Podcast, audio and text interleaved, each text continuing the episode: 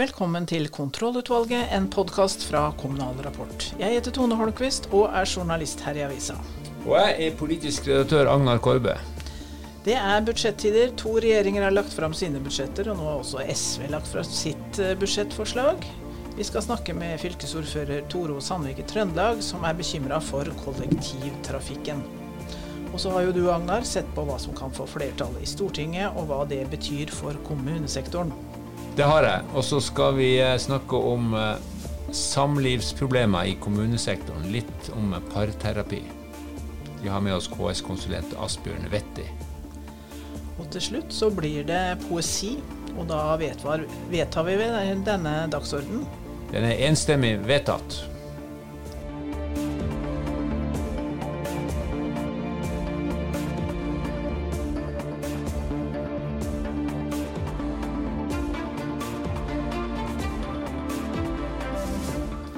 Da har vi med oss eh, fylkesordfører Toro Sandvik fra Trøndelag og Arbeiderpartiet.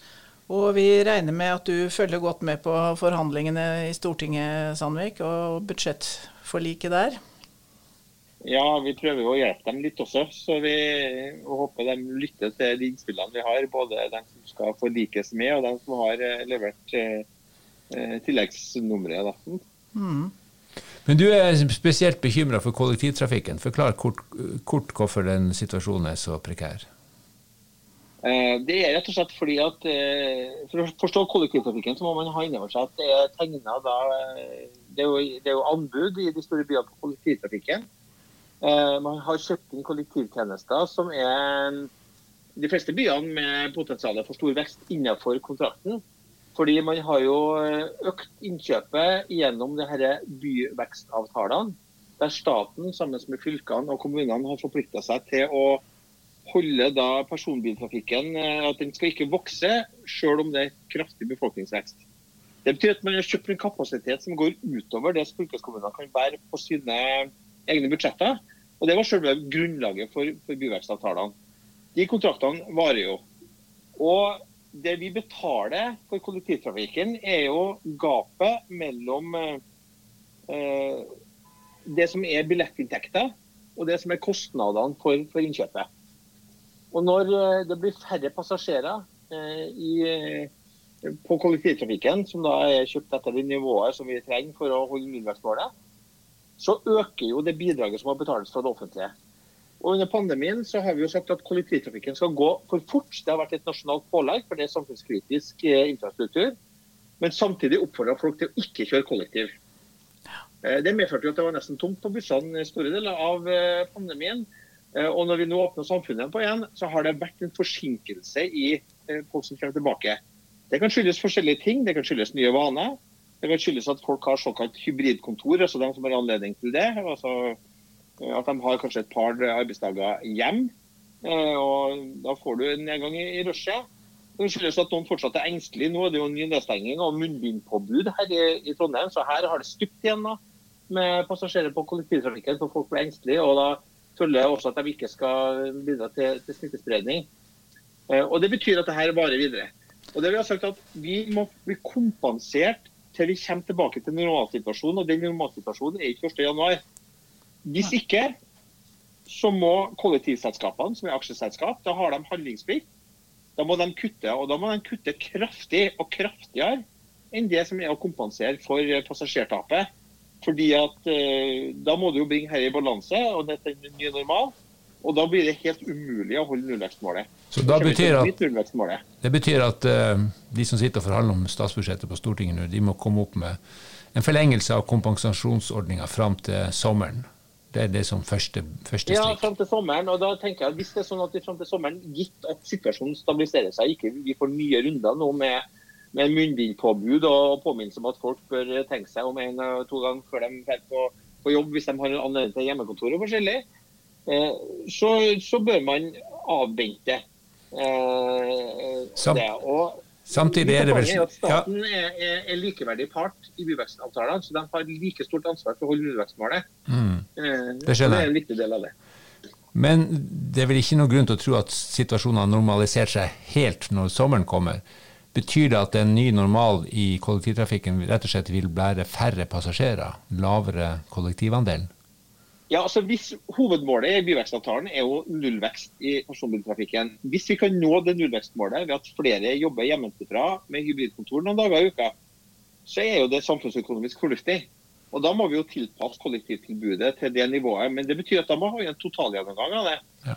For sånn som det er Nå så kan vi si at det er, nå er det 80 av som cirka, tror jeg, rundt omkring i snitt at, uh, av passasjerer som er tilbake i forhold til det som var normalnivået. Hvis vi da fjerner rute fordi at eh, det er 20 færre personer eh, på den bussen, så mister jo de 80 som sitter igjen på bussen, også tilbudet sitt. Og Det betyr også at du får en nedgang i du får et dårligere tilbud. Det er flere som velger alternative reisemåter. For en ond spiral. Mm. Ja, du får, en, du får en vond spiral. Ok, den, hva, er den korte hva er den korte beskjeden din nå til de på Stortinget? Nei, Man må få en løsning der man setter av en trekkordning. Vi, vi ønsker ikke det er vi som får bevilga pengene, men vi må vite at vi får kompensert det som blir tapet. Og så jobber vi alle storbyer rundt omkring nå målretta og systematisk med å øke passasjergrunnlaget.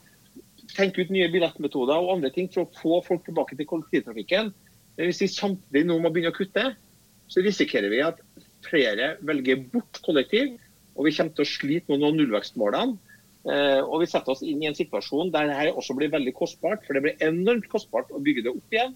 Eh, hvis det viser seg at vi da greier det og får at vi kommer tilbake til den gamle normalen da, når det har gått et par år. Ok, vi får sette vår lit til at de på Stortinget ser alvoret i dette her. Takk skal du ha, Tore O. Sandvik.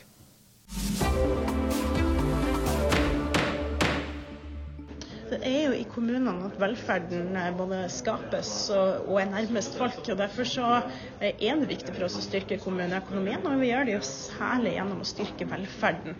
Eh, når vi eh, prioriterer et trinn gratis på SFO, eller når vi prioriterer å styrke barnehagene og barnevernet, så er det også satsinger for kommunene. Så vi har det som store satsinger, i tillegg til at vi øker de frie inntektene både til kommunene og til fylkene. Der hørte vi Kaski i Stortinget på mandag, og du var jo også på den eh, pressekonferansen, eh, Agnar, og eh, hørte da når la fram, SV la fram sitt budsjettforslag. Hva tror du de kan bli enige om på kommuneområdet? De kommer helt sikkert til å bli enige om noe mer penger til kommunene. Utfordringa for SV er at de har mange krav.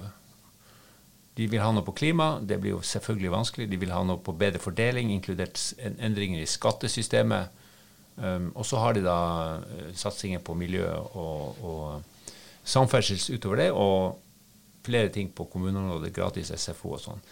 Men de må jo selvfølgelig komme opp med noe mer penger til, uh, i, i, i friinntekter og litt mer til ressurskrevende tjenester. Så det tror jeg. Men jeg vet ikke helt hvordan de prioriterer. Jeg spurte Kaski om det, og da vil ikke hun liksom avsløre sin liste. Og de bringer jo også inn dette velferds... Eh, utvalget som de vil se på kommersielle aktører i velferdsmarkedet. Så det er mange ting som er på bordet i disse forhandlingene. Men jeg vil jo si at de er på en måte dømt til å lykkes. For det er SV som er Arbeiderpartiet og Senterpartiets foretrukne parter. Samtidig så er det jo et tøft opplegg de, de har presentert. De har mange krav, ambisjoner både på klima og skatt. Så jeg, jeg, vil ikke ha satt alle sparepengene mine på dette, men sannsynligvis blir det selvfølgelig en enighet. Noe annet vil jo overraske. Ja, så litt mer penger til frimidler, litt mer til ressurskrevende brukere. Også på Altså Når de sier SFO, skal de øremerke her, da? Her blir det noe øremerking som SV vil SV er vel mer glad i øremerking enn en del andre partier, så det kan jo tenkes at det blir det. Ja.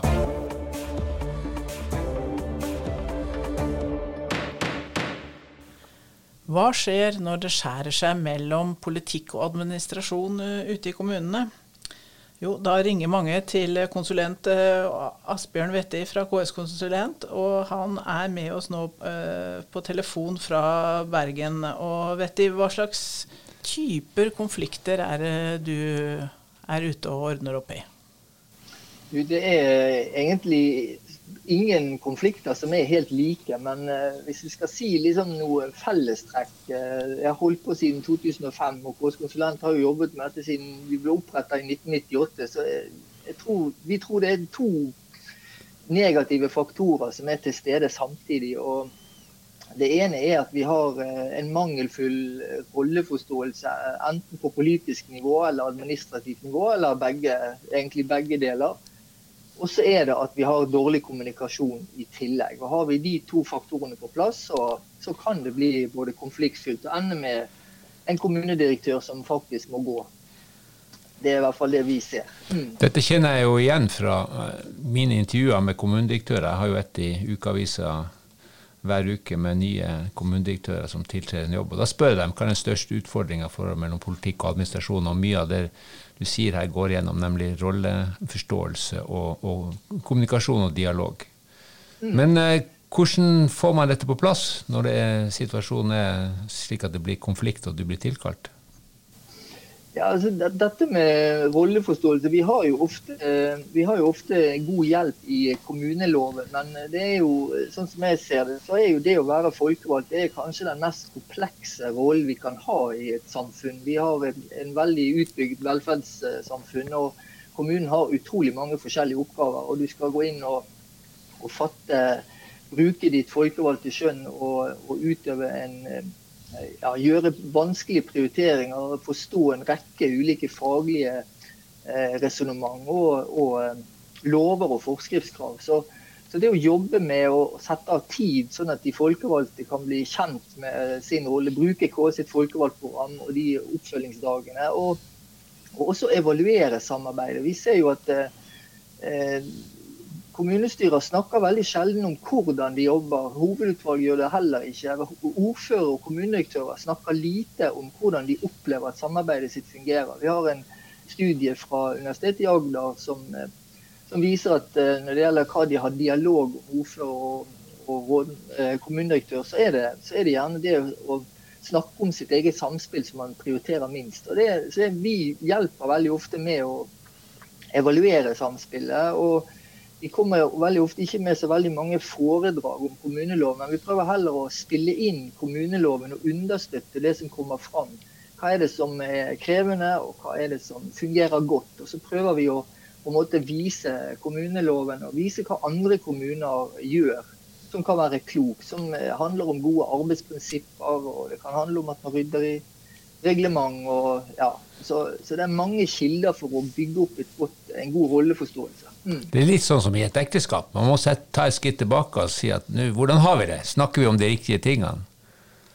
Ja, å, bruke tid. altså det, det, er egentlig det er litt min kjepphest personlig. Jeg synes vi, vi, vi investerer altfor lite i å gjøre de folkevalgte trygge i sin rolle. Og så må administrasjonen også bruke tid til å snakke om sin rolle. Hvordan skal vi spille de folkevalgte gode? Eh, administrasjonen snakker også ofte for lite om hva, hva vil det si å legge til rette for god folkevalgt styring. og Forstår vi egentlig politikerne sin behov? Lytter vi til hva de etterspør? Eh, hva er det de trenger for å lykkes i sin rolle? Så, det her er det masse å jobbe med. og Vi prøver å bruke enkle metoder og gjerne jobbe med de sakene de har eh, de har erfart sjøl. Altså, hva har fungert bra, eksempler på saker som ikke har fungert bra. Det kan være når vi er inne og veileder ordførere og kommunedirektører, hvis det er der personlig, altså de to rollene som, som, har det vanskelig og som sliter, eller, eller at vi jobber i, i, et hovedutvalg eller i, i forbindelse med kommunestyret. Eh, vi bruker deres egne erfaringer. Mm. Ja. Hvor ofte blir det suksess, og hvor ofte ender dette i skilsmisse?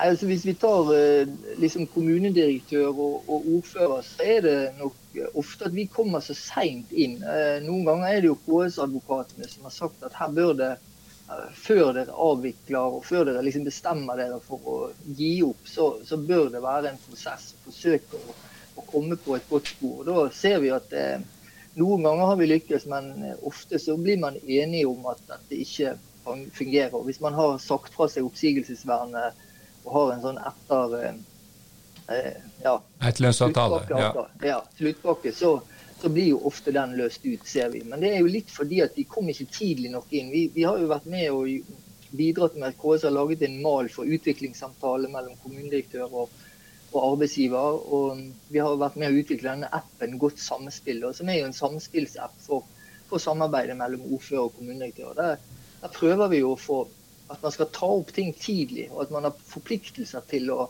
ta opp det som ikke funker i, i samarbeidet, så tidlig som mulig. Egentlig. Det er bra.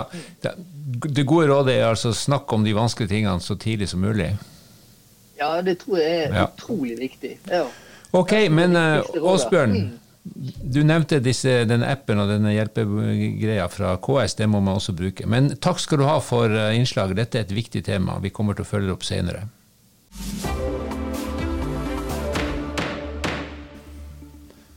Da er vi kommet til eventuelt.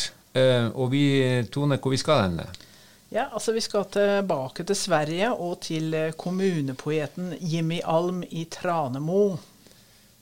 Det ble oppstyr i Sverige av den der saken. Ja, det gjorde det. det, gjorde det vet du. Jimmy får, får, altså 900 000 for å være kommunepoet i Tranemo i ett år. Det er svenske kroner? Altså. Ja, det er svenske kroner, men det er nesten ja, som norske nå. et statlig prosjekt, og der skal han skrive et dikt i uka om kommunen og folk i Tranemo. Og Forrige gang jeg snakket med ham om dette, så hadde han jo ikke begynt i jobben engang, men nå er han i gang. Du arbeider med menneskers liv, og ditt oppdrag er å gjøre oss innvånere så nøyde som mulig med hvordan du prioriterer. Og det du prioriterer, beror på den politik som vi innvånere velger å røste på. Ja, det der var jo, vad hva skal vi si, kommunalt og eh, kommunalpoetisk i sin uh, natur. Ja, det var det. Så jeg, jeg ble jo litt inspirert, ja. så jeg slo da opp på en tilfeldig valgt side i en uh, tilfeldig valgt uh, kommune. Og så tok jeg da informasjonen derfra, og så har jeg lagd et dikt. Du har lagd et dikt på bakgrunn av kommunal informasjon? Mm. Ok, la oss, la oss få høre. Diktet heter 'Kristiansund kommunes ukentlige koronarapport'. Smitten i Kristiansund øker. Uvaksinerte smittes. Vaksinerte smittes. Skoleelever smittes. Smittetallene i byen øker. Totalt er 36 smittet de siste syv dagene. Noen få har ukjent smittevei, men de fleste har sporbar smitte. Ok, takk skal du ha. Veldig bra. Det er litt inspirert av Jan Erik Vold. Eh. Ja, jeg vil si det. Men eh, som, eh, som, en urframføring så vil jeg si at dette er godkjent. Dette, dette kommer til å spre seg med sånne kommunepoeter. Vi må få noen i Norge også. Ja, det tror jeg også. Jeg går inn for én i hver kommune. Ok, det er bra. Absolutt. Men vi rekker ikke mer i dag, Tone. Nei. Møtet er heva. Vi høres igjen neste uke.